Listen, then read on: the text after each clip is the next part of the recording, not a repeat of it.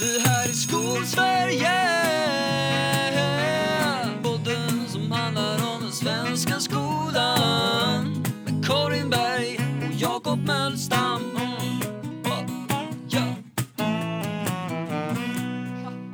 Där börjar matchen. Är det nu det blir ett battle? Det är nu det blir rap battle och så stänger de sista lyssnarna av. Och så är vi klara. Efter 200 någonting avsnitt så vann vi det här. Karin, det är fredag den 7 maj 2021. Det är eftermiddag. Livet är som det är. Det är dags för podcast. Hur Det står det är till? det. Jo, eh, jag eh, drog i nödbromsen igår så jag är ganska pigg och glad. Du vet, man, man får lära sig det. Att, att eh, eh, jag tycker mest att jag flänger runt och försöker lösa grejer. Eh, och det hade varit en vecka, fyra dagar där jag har liksom varit på, eh, alltså jag har, haft, jag har undervisning på fyra olika fysiska platser runt om i, i stan. Hemma, i en lokal, i en annan lokal och på skolan. Eh, vilket gör att jag, det känns som vissa dagar som att det jag gör på jobbet är att cykla mellan de här platserna. Eh, så. Eh, och det är ju, fördelen med det är ju att elever kan vara på plats. Eh, nackdelen med det är att eh, jag känner mig lite jäktad och lite förvirrad över var jag ska vara hela tiden. Eh, eleverna är ju på samma plats hela tiden. Det är jag som cyklar. Ja, men jag Eh. förstår det. Jag förstår det mycket väl.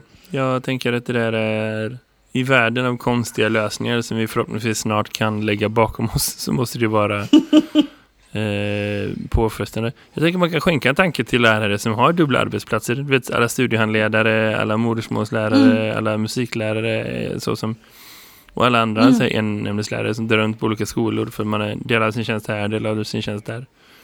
Bibliotekarier, allt vad det är så. Det finns ju folk som jobbar så alltid och det där är komplicerat får man säga. Ja, men det är jättekomplicerat. Eh, Det slår mig nu, jag är- hade ett sånt jobb förut. Det har inte jag tänkt på så mycket på senaste tid. Men när jag började som utvecklingsledare så var jag på så här, kunde jag vara på fyra ställen under en dag typ. Men det, det är en sån, eh, men jag tänker mest att det hade inte varit lika jobbigt om det inte var så osäkert hela tiden. Att vi, man liksom, eh, bara men den här läraren behöver ha in eleverna, ja men då kör vi en hel dag där. Ja men jag hade tänkt att, ja ja, skitsamma, nu får det bli så här istället. Alltså det är ju just de här snabba vändningarna som eh, funkade helt okej förra våren, men som man nu är så trött så att man, man är liksom lite man, man reagerar lite långsamt. Det, Ja. det, det Men jag förstår det. Men jag, jag tänker också att det kan finnas, du vet, man gör grejer för man tror att några saker ska vara kortsiktiga. Nu är det kortsiktigt så här, då får vi lösa det så här. Och så blir det mer och mer långsiktigt utan att man hinner tänka på det eller märka det. Och i det så blir liksom tillfälliga lösningar sämre när man måste hålla på så över längre tid. Det tänker jag ligger i sakens natur. Och i det så finns det många saker där man kanske måste stanna upp och vara, vara sådär Men vänta, vi menar ju bara att vi skulle göra så här en stund. Nu hade vi behövt ha ett bättre system för det. Så får man ska göra om och skapa det. Och då kan man tänka sig att det är slutet på terminen och vi har förhoppningsvis en bättre situation i höst. Även om barn och unga kanske är de sista som blir vaccinerade så, så är det liksom fortfarande i grunden ändå bättre utgångspunkter kanske i höst. Men ändå tror jag att vi måste tänka att så här, vi har en bit kvar, det är värt att göra om nu för att göra det bra. Absolut, absolut, absolut. Det hade varit eh, väldigt eh, skönt och eh, jag tror att man gör sig själv en, ett väldigt stort Alltså man skjuter sig själv i foten om man tänker att ah, ja, men vaccinationsprogrammet säger att alla är vaccinerade över 18 år den 4 september, så det är lugnt i höst. Det ska vi, alltså jag tror att har man inte tänkt att vad gör vi om det inte är lugnt i höst så kommer det bli jättejobbigt att tänka det i höst. För vi har inte så mycket marginaler kvar i höst som vi hade i år och då hade vi ganska lite marginaler redan i år, om man säger, eller detta läsåret. Jag skrattar lite för att jag tycker det, det var precis samma samtal vi hade förra året. Det var typ den här tiden förra året, kanske lite tidigare, som jag var så här, vi måste börja förbereda för att pandemin kanske fortsätter i höst. Och då var folk så här, nej, nej, nej, du är dum i huvudet. Det går över Ja. med värmen, det har Trump sagt. Den grejen typ. Ja, men det är lite roligt. Jag måste citera en grej som jag, eh, blivit viral i väldigt interna kretsar. Eh, jag vet Mm. inte om du läser olika HR-människors interna nyhetsbrev. Det gör inte jag. Eh, men jag har fått höra talas om det. För det finns någon sorts HR-chef, mentalitetsperson som har blivit Mhm. viral för att de har skrivit ett nyhetsbrev. Du vet, så här, här är lite information och så, så skriver man alltid lite om månaden och hur det är och så. Se det framför dig. Mm. Maj månad är äntligen här. Nu är det eh, någonting, någonting maj som är återhämtningens månad. Har du någon gång relaterat mindre till någonting som en HR-människa skrivit i något sammanhang? Den här personen utropade maj till återhämtningens månad. Jag skojar inte om fyra olika personer som liksom läser sådana nyhetsbrev och pratar med mig i olika här, casual moments på skolgårdar och så. Och varit så här, har du hört? Har du läst den här grejen? Har du hört? Har du sett det här? Den här människan är helt rubbad. Man bara, ja, nej jag vet. Det är ingen, det är ingen som jobbar nära någon sorts vettig verksamhet. Som någon gång har upplevt maj som en återhämtningens månad. Men det är det alltså, om vi ska prata enligt någon HR-person. Så det kan man ta med sig Någon- ut någon- i livet när man funderar och är lite orolig för hur blir det i höst, vad ska vi hitta på? Nej, nej, men det är lugnt. Det är lugnt. Nu är vi alltså inne i återhämtningens månad. Och jag tror aldrig att jag kommer kunna se på maj månad på ett annat sätt. Det är bara ett av långa, långa raden av så här skavsår och liksom sårskorpor som man får dra på sig av den här pandemin. Nej, nej, tydligen är maj återhämtningens månad. Det är bara jag som har levt maj fel hela mitt liv. Men vänta lite nu, alltså, är det här en HR-människa som jobbar eh, som HR inom skolan? Jag, jag, är- jag förstod det som att det är en person som är en återkoppling till skolan, eller någon sorts koppling till skolan. Ja. För det var liksom ett internt professionellt nyhetsbrev som den här personen författade. Eh, så. Jag blir ändå glad av att det finns människor som alltså har det så i maj månad. Ja, nej men vi, jag kan säga att här, vi har ju en, en, en, eh, vi har ett årshjul eh, som, som, som eh, bestäms, ett årshjul. Vi har ju massor med årshjul med massor med saker i. Det, det, ja, jag kan få allergi av årshjul, men skit i det. Eh, men men, men eh, det här årshjulet eh, bestäms av eh, förvaltningen. Saker som måste in, du vet så här, hyllvärmare som de vill ha för att de ska säga att de har gjort ett bra jobb så ska jag skriva den skiten åt dem och så ska de ställa det i en hylla. Eh, det, det årshjulet stämmer, liksom, de vill ha en betygsanalys i eh, januari. Vi sätter betyg, va? va? Varför då? När, vilka betyg ska vi analysera? Vi sätter betyg i juni. Eh, Jaha, eh, det tycker jag är så här. Vad, vad är, vilka betyg är det vi ska analysera i? För då ska vi analysera satta betyg. Vi ska alltså analysera de satta betygen i januari. Det, betyder det då? Och så är det en massa andra saker som vi ska på vägen dit. Men det är Jag så tänker att det måste ju vara bara en kopiering från högstadiet typ. Ja, eller något annat. Eh, jättekonstigt är det. Men det är massor med sådana, den är fylld av massor med sådana saker som man bara känner, fast det här stämmer ju inte med våran verksamhet. Kan vi liksom någonstans, eh, varför har vi ett systematiskt kvalitetsarbete som inte, det blir ju inte ett systematiskt kvalitetsarbete, det blir ju bara en text som de ska ha i en hylla. För vi kan inte ha den till något. Det tycker jag är väldigt konstigt. Eh, men eh, sånt är det. Men du Jakob, hur har du det denna fredag eftermiddag? Jo, men jag har det bra, får jag ändå säga. Eh, vet, livet går vidare som det är. Jag har en ny lärarstudent. Jag är väldigt, väldigt glad över att eh, ha det. Eh, så. Eh, Det är första gången på ett och ett halvt år som jag har en lärarstudent. Det är längsta uppehållet som jag haft sedan jag blev lärare. Sen jag själv var student, eh, som inte haft någon VFU-student. Jag tycker det är super, supergivande att få en extra person och se hur ens elever reagerar med andra människor. Eh, se dem träna sig på att vänja sig vid folk som förklarar lite annorlunda, tänker lite annorlunda. Att få ha reflekterande samtal med andra personer. Vi satt nu på eftermiddagen, eh, gick ner för att ta en kopp kaffe, jag och min kollega som också handleder den här studenten och vår student. Då. Och så blev det att några elever gick förbi, de skulle till mellanmål. Ryktet spred sig att de serverade pizza. Vi har väldigt, väldigt bra restaurang. Så vi gick förbi och var så här, hörni, hörni, inte lite över? De bara, jo här. Så smög vi iväg och satte oss i makerspacet och eh, åt eh, kylskåpskall pizza. Det var supernice. Och pratade om liksom veckan och saker som den här studenten har sett och reflekterat över och så. Det är fint. Det finns någonting i det som är extremt meningsfullt. Eh, så. Och jag blev väldigt, väldigt glad över det. Och jag tänker att så här, i den utsträckning som andra människor lyssnar på den här podden Shoutout till alla lärarstudenter. Det öppnade mina ögon när jag pratade med den här personen som har gått halva sin utbildning nu. Och som var så här, alltså det senaste året. Jag sitter vid min skärm hela tiden. Hur blir man ens lärare på det? Och det här, Mm. ja, nej, det är verkligen rimligt, tänker jag. Dels utifrån att du och jag går en utbildning som är jättekonstig. För att den är bara på distans, Mm. och det är den ju alltid. Men det är så här, man har Mm. inte så mycket kontakt med andra studenter. Och jag är glad att det är någon sorts påbyggnadsutbildning som vi läser tio år senare.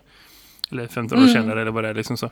Medan det är... Det har varit hopplöst att gå sin grundutbildning under de förutsättningarna. Ja, eller jag läste ju min lärarutbildning på distans faktiskt. Eh, men då hade vi ju fysiska träffar några gånger på, alltså du vet, första varianten av distans tror jag. För det här är ju början på 2000-talet. Nej, jag hade verkligen Eh, inte fixat det. Jag, jag är så glad att jag nej. fick ha samtal och liksom meningsfulla utbyten och så. Men det Eh, hade vi.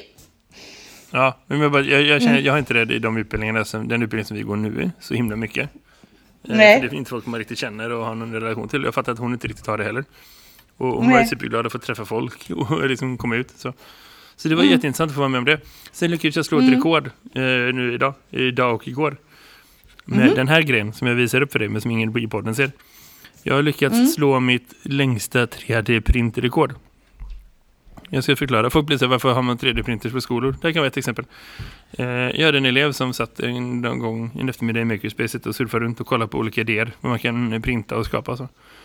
Så hittade hon ett eh, pennställ typ. Som är så här, kanske 7 gånger 7 cm brett typ. Man får i lite pennor i. Och så här, det här ska jag ha i mitt skåp. Det är bra för jag har bara mina pennor överallt. Jag vill göra en sån. Eh, och så har Mm. jag som regel att så här, ska de printa något så måste de själva designa det. De måste själva liksom designa om eller anpassa eller förbättra eller liksom bygga vidare på någon annans. För jag vill inte bara att de printar ut saker som de redan är, är färdiga med typ. Och då var hon så här, nej, nej men jag vet att du har bilder så jag ska sätta mig och fundera på något annat. Ja, ah, jag vet, jag, jag gör, ligger på en mobilhållare. Du vet en sån här liten ställning som man kan ha sin mobil på. Då Mm. behöver jag inte ha, veta, oroa mig vart den är, för jag får ändå inte med den in på lektioner alltid, utan då kan den stå där och så kommer jag ut och så ser jag vad klockan är och så liksom står den med mina pennor i mitt skåp. Det blir jättebra. Så satt och designade ihop dem, la en gemensam bottenplatta, satte ihop dem nära, eh, funderade på skala och storlek och så. Och printa ut det tog kanske tre timmar. Jättebra, coolt. De andra blir imponerade, de vill göra likadana, de började säga dem. Och i det så var jag satt jag en dag på mitt skrivbord, eller vid mitt skrivbord, och var så här, jag har tre kaffekoppar som är liksom mina pennhållare. Jag skulle kunna ha en pennhållare. Så- en sån där design som hon har gjort. Det var det. Så började jag lite större. Jag har lite mellanfack som man kan ha lite så här, att de inte ramlar ihop typ. Kanske lite större, jag vill ha lite så här. Och så vill jag ha en liten hållare framför. Som är lite mindre, som man kan ha typ ihopvikta så här A4-papper. Som jag inte vill tappa bort typ. Så står de lite snyggt istället för att de är bara slängda huller om buller. Eh, så. så jag designade den, Mm. testade, funderade, eh, valde färg, printade ut den. Eh, råkade sätta den på ultradetaljerat istället för vanligt. Eh, så. 30 timmar senare är den här eh, produkten klar. Så skrev jag till några av de högstadieeleverna som jag som brukar hänga lite oftare. Och som har liksom lärt sig Mm. maskinerna och som har lärt sig hur de funkar. Och varit så här, okej men eh, vad är ert lä- längsta print? För jag tror jag tog hem rekordet nu. Och du vet, de klockar in på så här 18 eller typ 24, eller här amatörsiffror typ. Jag, jag har aldrig printat någonting som är längre än 12 förut. Nej, super, super nice. Jag är så himla imponerad och så himla nöjd. Och jag tänker att det finns ett skapande. När man jobbar så här funktionellt, bara hur kan jag lösa det här problemet? Vad för grej behöver jag typ? Det tänker jag är Mm. alldeles självklart för att komma tillbaka till skola och så. Vi får ju kritik ibland att vi inte är så skolfokuserade alltid. Eh, Jag tänker att det är liksom grejen. Vad är poängen med att ha makerspace i skolan? Vad är poängen med att ha 3D-printers i skolan? Jo, men att man får lära sig och tänka så här, jag behöver skapa en grej som jag kan ha användning för. Och så gör Mm. man det. Och att det är inte en process som behöver vara liksom begränsad till vilka eh, verktyg eller vilka träbitar eller liksom jag måste skruva ihop det här och det här. Och så ser det ut som ett slöjdprojekt som är skit. Typ. Inte för att det är något fel på alla slöjdprojekt, men det, med. det kan ofta vara så Nej, nej, teknisk men- kompetens som begränsar eller alternativt du får lägga en halv termin på att liksom göra skiten. Om man kan Mm. få till så här, okej men jag designar, jag tänker ut funktion, jag vill att det ska vara på det här och det här sättet. Och sen så kan man få hjälp med själva produktionen. Så blir det att Mm. man öppnar upp en annan förmåga att designa saker. Så. Nu Mm. kanske slöjdlärare hatar mig och kanske smörknivar på posten indränkta i, jag vet inte vad, tomatsås, så det ser ut som blod. Typ. Jakob, det här är för dig din jävel. Men jag tänker att det finns en, en, ett särskilt utrymme för digitalt skapande. Men det är väl en kombination? Ja. Ja, men jag tänker att det är ju en kombination också. Det är ju liksom, det, det ena skulle ju kunna befrukta det andra. Ja. Att man, eh, att man eh, skapar då, eh, eh, lär man sig, man, det är en annan väg in i, eh, i design. Ja, men det är det Eh, absolut. som- Det är absolut. Och det är därför som vi har byggt vårt makerspace. Det ligger i, i vägg i vägg i anslutning. Det finns en mellandörr. Inte liksom bara att vårat mm, så här, eh, labyrint av slidsalar. Så. För det är bara en och en av flera material att skapa med. Absolut att det är så. Mm. Men det finns mm. något särskilt i den digitala skapande processen där man får ramverk eller så här, man får lite stödhjul i vissa processer. Som Mm. gör att man kan komma längre snabbare och man kan komma in i så här, men jag vill att den ska funka så här, jag vill att den ska vara så här. Det är inte Mm. konstigt att bygga, det är den första iterationen som jag har gjort, men liksom, det är inte konstigt att bygga en grej i fyra omgångar för att testa hur blir den här, blir den bättre? Man gör en liten version först och sen så gör den större. Nej, men det var inte riktigt så här, jag tänkte att det skulle vara si och så istället eller så. Och så kan man liksom göra Mm. massa ol- olika versioner. Så. Det är bra. Mm. Ja, och det tränar ju eh, uthållighet och den tränar ju mycket saker som är intressant. Eh, sen tänker jag ju också bara en, en parentes att det där är ju bara en tidsfråga innan det går väldigt mycket fortare. Allting går ju fortare till slut att printa ut och allting annat. Ja, ja, absolut. eller så. Eh, ja, ja. Jag tänker annars, Jakob, det här eh, eh, PISA-debaclet som har pågått i en vecka. Har du tagit del av det? Ja, alltså du vet att det är en ordentligt debacle när till och med jag nås av det. När till och med jag berörs av det. Jag tycker jag stör mig lite på det. För jag jobbar annars ganska professionellt på att inte eh, beblanda mig med diskussioner eh, som är politiska så, för det första. För att jag är inte så intresserad. Eller jo, det är men jag tycker att de är inte så fruktsamma. Så. Eh, Och dels också så här, sociala medier drev typ. Vad jag tyckte var intressant med det här, det lilla jag har sett och läst om det verkar vara som att det kommer från ett politiskt håll. Och om, om, om lärarkåren och skoldebatten som vi har professionellt väldigt lätt präglas av att vi tar efter andra debatter om skolan. När det blir en politisk debatt om betyg, då börjar lärarna prata betyg. När det blir en politisk debatt om ordning och reda, då börjar lärarna diskutera ordning och reda. Det finns liksom en, en, en grymt oprofessionell förmåga att inte ha ta egna initiativ till diskussioner som blir särskilt stora. Så. Utan det är liksom hela tiden man speglar andra. Samhället pratar om skolan så här, då blir det så här och så här. Liksom så. Ofta. Det finns undantag, men ofta. så. Och, det tyckte jag var intressant, för här var det en politisk diskussion som var så här, oh, det här är dåligt, den här personen måste få sparken, vi måste... Så, så. Och det känns som att så här, jag har inte nog sett en enda lärare som har hakat på det tåget. Jag vet inte om det är fler, men jag har inte sett en enda person som har liksom gått med på den premissen typ. Det, det, var fascinerande för mig, för det tänkte jag ändå så här, det här tror jag skulle hända. Och jag har lite teorier om det, men först vill jag höra så här, har du sett någon som som liksom håller med i det raseriet som är en aktiv lärare som jobbar i skolor. Som jag har sett håller med. Menar du att du inte har sett någon som håller, inte håller Eller vad? Jag har inte sett en enda person som tycker att det är helt självklart att utbildningsministern måste avgå. Det här är skamligt. Det här är, det här är liksom katastrof. Jo, jag har sett, jo, jag har sett någon som, som, som, som var väldigt... Jag har sett någon lärare på Twitter som, som har... Eh, som, har, som var väldigt upprörd eh, innan. Eh, under, av de här, eh, som, som har någon idé om att eh, det är något lurt med de här, den här avvikningsgraden. Eh, men i övrigt så har jag ju faktiskt mest bara sett eh, och hört att lärare har extremt stort förtroende för Annie Ekström. Ja, men det är det jag menar någonstans. Liksom så här, det Mm. känns som att det enda som jag har sett lärare prata med så här, nej men vi, vi vill behålla henne, hon är bra. Det här är inte liksom hennes problem, hon, henne ska vi ha. Och till det så hör Mm. att liksom, om man tänker efter, jag tror inte det är någon överdrift. Det var en kompis som skrev till mig, eh, som är ganska politiskt intresserad, som skrev till mig igår på Messenger, så här, vad tror du om det här och det här kommer att tvingas avgå? Och jag behöver inte ens fundera på det innan jag tänkte nej, jag tror inte det. För att hela lärarkåren är ändå så här, ja men vi är ganska säkra på att det är den bästa vi kan få. Det, det känns som att så här, utan att ha koll på alla politiska sakkunniga, alla experter här och var runt omkring så känns det som att så här, har Kristdemokraterna eller Sverigedemokraterna någon bättre kandidat till jobbet, skit i politiken? har de någon som behandlar lärare bättre, som behandlar skolan bättre, som liksom förstår skolans komplexi- komplexitet bättre och som förstår liksom värdet av utbildning bättre? Nej, det tror jag inte. Och det är inte en politisk inlaga, partipolitisk inlaga, det är inte det. För att jag tror Nej. att det här kan vara den bästa utbildningsministern vi har haft på 50 plus år. Och Mm. det är liksom inklusive ganska många personer som ändå varit ganska framgångsrika på andra sätt. Men som inte har haft en inställning till lärarna utan att fjäska liksom så. Utan som bara, nej men lärare är viktiga. Det här ska vara, vi ska ta det på allvar.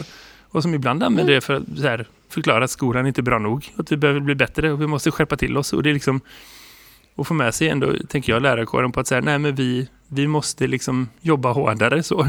Och ha det ledarskapet också. Så det är inte alls bara så här, vet, gå lärarnas sak utan, utan liksom bara förstår värdet av riktigt bra skola. Och vara konsekvent i det i alla år som man sitter på den posten ändå. Då blir det ganska svårt att försöka peta bort den personen för att man har politiska intressen av det. För du kommer inte få med dig, i alla fall inte lärarkåren. Och jag tänker att får man inte med sig skolan och lärarkåren i debatten om skolan, då finns det inte så himla mycket skoldebatt kvar att hämta. Jo, om man är typ Jan Björklund och lyckas liksom mobilisera vanliga människor som inte har någon kontakt med skolor. För att din magkänsla känns rätt, att det är på det sättet. Hela den där ordning och reda, liksom decenniet som vi hade, när det var det enda som var viktigt, att vi skulle liksom straffa hårdare så. Det kom ju från ett exempel där politiker tog initiativ som fick med sig folk, men då fick de också med sig en massa lärare i och för sig. Det var inte så att hela lärarkåren direkt bara, nej, det här är fel. För då hade det kanske stannat på ett annat sätt. Nej, men då hade det inte gått. För att det var ju när lärarkåren började säga, men vänta lite nu, som det föll också. Ehm, Men, så men att det, också till för det fanns tillräckligt många lärare som höll med. Så. Och, och Mm. Ja, det, precis, det känns precis. inte som att den majoriteten riktigt finns här just nu. Och det känns också som att så här, det här är inte en, en process som startade eller någon gång längs med vägen var för skolans bästa faktiskt. Det känns inte som att man bara, nej det här låter dåligt, vi kan inte ha ett ledarskap för skolan som är så här, tänk vad ska hända då? Utan det är liksom politiska poänger som man letar efter. Så känns det som. Ja, men precis. Och, och, och jag kan ju någonstans eh, känna att det finns någonting annat i den här diskussionen. Att man vill åt någon slags skandal. Man vill komma åt... Alltså det finns någonting som... Eh, vi pratade ju om den här PISA-diskussionen. Den här PISA-diskussionen var en grej för ett år sedan. Eh, då, då gjorde vi ett avsnitt här där vi pratade om Ludde Hellbergs koppling till eh, IES och Marknadsskolan och Kvartal och den här Henriksson som, som hade räknat i Expressens avslöjande. Alltså, den i, alltså Expressens avslöjande i sig består av saker som de har räknat fel och som visar att de inte förstår PISA. Eh, och det, det kan man scrolla, om man nu tycker det är kul så kan man ju scrolla tillbaka eh, till, liksom, eh, till det här med Ludde Hellberg och eh, få lyssna på där, vi- liksom där vi förklarar vad det var som liksom inte riktigt stämde med den Karin, får jag Expressen-granskningen. lägga in en sak så det ska vara lätt att lyssna. Eh, Om man vill göra det så hoppar du tillbaka ungefär 40 avsnitt. Så kommer du tillbaka ett år och där någonstans finns ett avsnitt som heter supertydligt. Typ PISA-katastrofen eller PISA någonting sånt. Det kan man kolla på. Precis. Och eh, så, så, om man nu tycker det är intressant. Men det jag tycker, det finns några saker i den här då riksrevisionsrapporten eh, som nu kom. Mm. Eh, och det är att eh, riksrevisionsrapporten skulle släppas klockan åtta förra veckan, om det var i torsdags förra veckan. Eh, 8.00.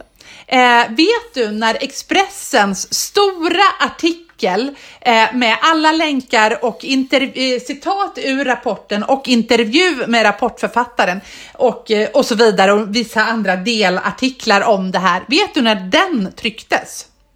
De I tid. publicerades på webben, tänker jag kanske dagen efter typ. Klockan åtta samtidigt som rapporten kom i eh, eh, utbildningsministerns hand.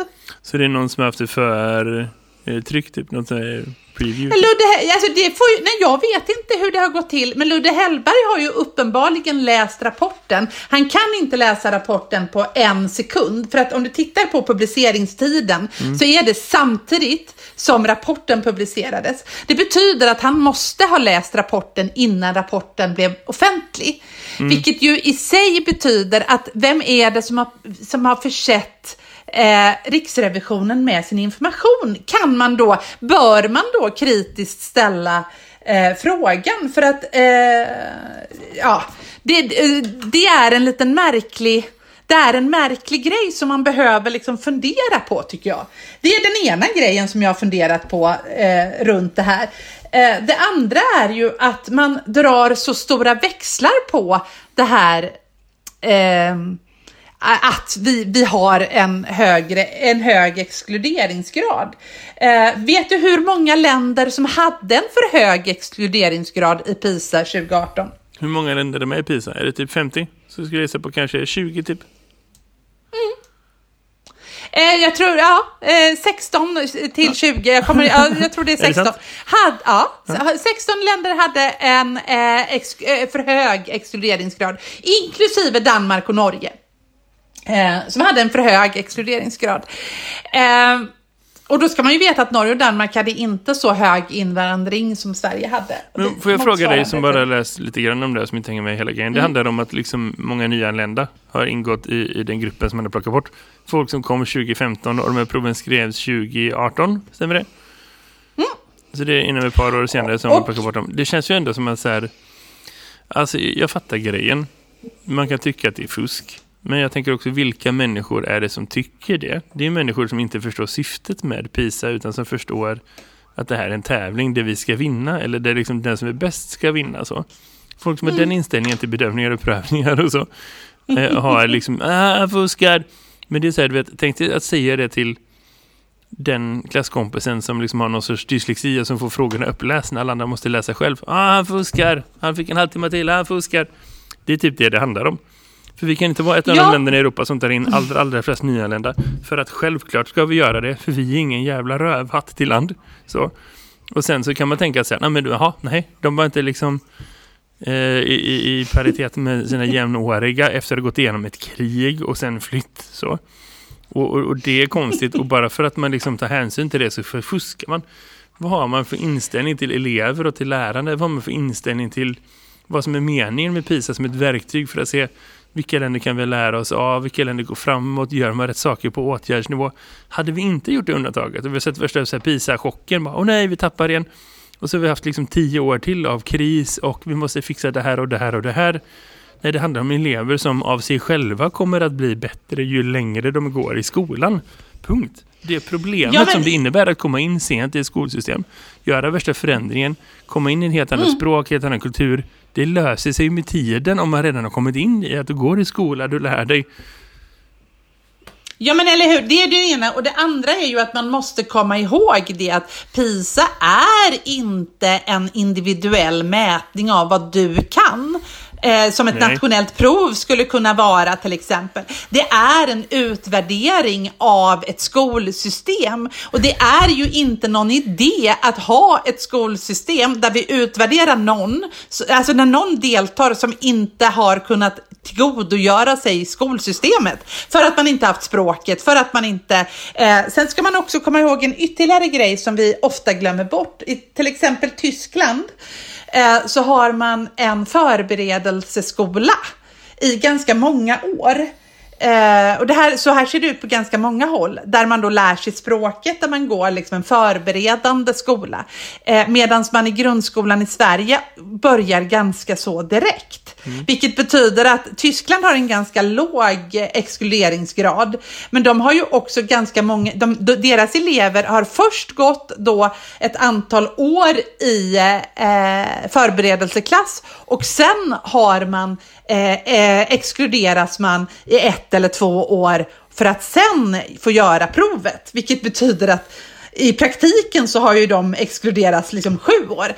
Och då kommer min till min tredje poäng i det här och det var ju någon akademiker till mig, jag satt och pratade med en icke namngiven person som, som är väldigt duktig eh, på, liksom analytisk och eh, akademisk kan man väl säga, eh, universitetsanknuten. Han sa ju det så fint att ja men alltså rent ur ett vetenskapligt synvinkel så eh, skulle ju inte PISA hålla för en B-uppsats en gång.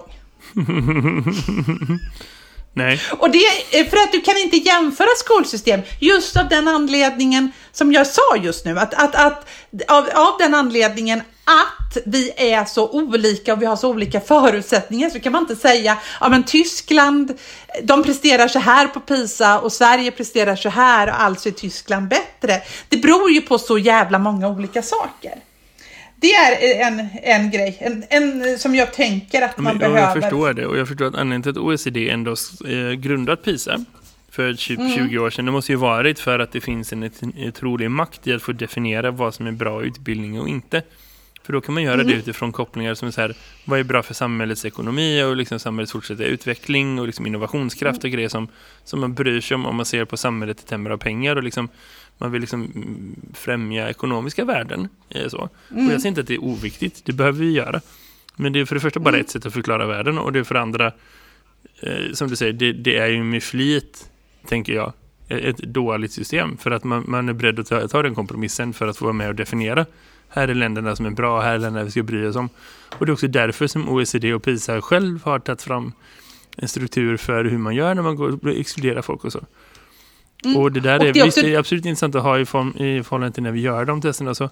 Men det känns som att allt det här är en stor, ett stort luftslott som är så här, ja, och vem bryr sig? Nej, men och det, dessutom ska man ju till protokollet ha eh, det finns några saker som vi behöver ha till protokollet. OECD är nöjda med våran exkluderingsgrad. De, de, har, de, har fått test, de har fått kolla två gånger har de gjort en oberoende granskning. Bägge gångerna har de kommit fram till att det här är helt inom ramen för vad vi accepterar. Eh, vi ska också komma ihåg att Tims och Pearls, eh, Pearls? Tims i alla fall heter det. Pearls. Pearls, ja. Eh, de visar ju ungefär samma resultat som PISA. Eh, vilket ju då talar för att även om de här har exkluderats så får vi fram samma problem i svensk skola. För det är ju det som är det intressanta. Det intressanta är ju inte wow, det, vi läser lite bättre. Det intressanta är ju att likvär, eh, likvärdigheten inte eh, blir sämre och sämre för varje år som går. Om vi nu ska använda det. är ju det. Och hade då de här i, i exkluderingsgraden fått vara med så hade ju likvärdigheten varit ännu sämre. Eh, vilket då i så fall hade varit någonting som Anna Ekström hon vill ju göra någonting åt likvärdigheten och vill komma åt marknadsskolan och hit och dit. Så det hade ju tjänat hennes syften, vilket gör att det är ju helt ologiskt att hon skulle ha mörkat detta. Karin, här har vi Eh, det. Här är budskapet som vi skickar till Sverigedemokraterna. Hade vi liksom gjort så som de nu är väldigt ilskna över att vi inte gjorde, det hade resulterat i ännu mer riktade stöd mot de skolorna som de absolut inte vill satsa pengar på. Inte överhuvudtaget. Det hade varit en bra idé. Alla vi som jobbar i skolor vet att yes, där finns det behov. Eh, Så är det. Och det finns behov överallt. Men liksom, ja, absolut. Det hade varit bra för, för jämställdheten och för jämlikheten och för alla. Liksom så. Och satsa mer där. Men, men det är inte alls den politiken som Sverigedemokraterna annars ger sken för. Så, eh, budskapet här är så här, Sverigedemokrater var bättre Sverigedemokrater och sluta bete er, typ. Ja, och sen tycker jag också att alla människor, för jag har mött väldigt många människor, det har ju blivit i allmänheten, de som inte är i skolan, så har det blivit så här, ja men vi fuskade i PISA. Och man bara, fast nej. Fuskar det Eh? Nej, eller- jag vet, det är bara för det passar in i narrativet. Ah, jag blir så trött. Ja. Nej men vi har inte byta ämne, fuskat jag i orkar inte PISA. med den frågan längre. Jag orkar inte med de här Nej, vi människorna släpper detta. Nej, men vi släpper det. Men vi har, jag tycker mest att det är spännande. Det finns lite olika saker i det här som jag tycker är spännande. Ja, eh, har du något annat lite mer upplyftande att ta upp? Eh, jag är mycket, mycket bättre fas i, med liksom stjärnorna och universum och jobbet och kalendrar och planeringar och allting i år jämfört med vad det var förra året, fast att det fortfarande är pandemi. Och ett tecken på det är att jag insåg för ett tag sedan att jag jag känner mig själv så bra att jag vet att jag brukar tappa fokus på slutet av vårterminen. Alltså jag orkar inte titta på nya grejer, jag orkar inte titta på bra grejer så. Så för typ två, tre veckor sedan så var jag så här, okej men nu ska jag komma på vad jag ska göra resten av terminen. Eh, så.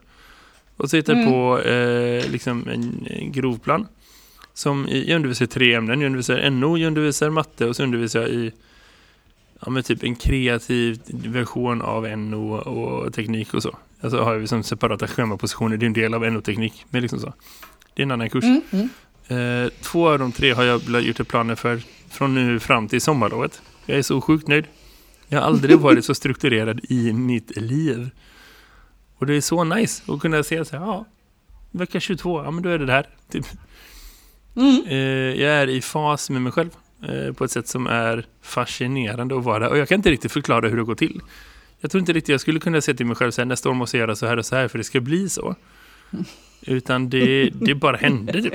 Och jag, jag var lite febrilt med att tänka sig vad, vad var det som gick snett eller vad var det som gick rätt eller så? För att det ska bli på det sättet. Hur brukar du göra när det är liksom slutet av terminen och så? Har du en plan från nu fram till resten typ? Mm. Det har jag. Men det, jag, jag jobbar ju med sådana ämnen. Inte, alltså jag jobbar nej, alltså i min svenskundervisning så är ju den väldigt, väldigt styrd av Ja. kursprov. Just, Eh, just vilket det. gör att jag, jag måste vara på ett speciellt ställe för att det ska gå ihop. Och eh, jag måste ju, just av den anledningen, vårterminen måste ju egentligen vara inbokad. Sen, sen kan jag ju inte, är jag ju inte på detaljnivå, men vi sysslar med det här, här, de här veckorna, de här, alltså Eh, det är extremt inbokat vårterminen. Just därför är jag så väldigt allergisk mot alla, eh, allting som går bort under vårterminen. För man har svårt att få ihop det.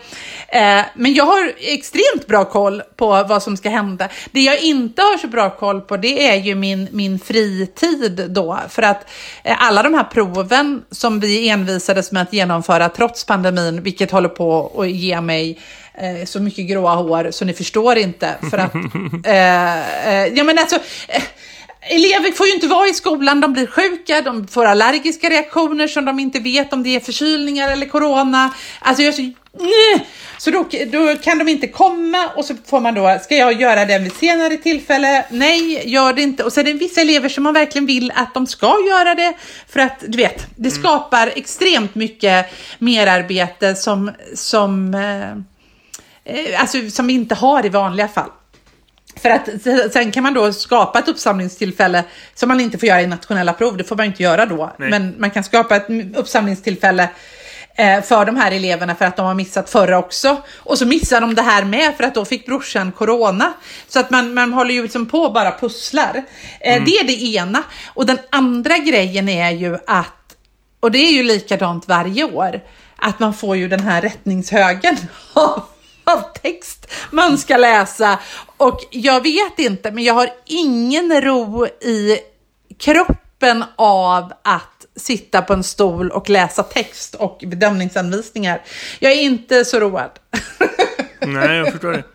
Jag känner ändå att jag, så var jag någonstans för ett år sedan. Men nu känner jag bara så här. om- och det kanske är för det är första gången på ett tag som jag är tillbaka i mellanstadiet och avslutar ett läsår. Jag vet inte. Intressant att fundera Ja. på. Karin, det här blev Väldigt. ett samtal det med. Det känns som att det är högt och lågt, stort och litet. Eh, så. Det hänger ihop med en fredag eftermiddag i maj. För glöm inte vad den gör, att maj är återhämtningens månad. Och med det tar vi och eh, går ut i fredags eftermiddagen och återhämtar oss. Och så hörs vi igen nästa vecka. Det gör vi. Ha det gött, hej. Hej då! Så jävla dumt. Det här är Skolsverige Podden som handlar om den svenska skolan Med Karin Berg och Jakob Möllstam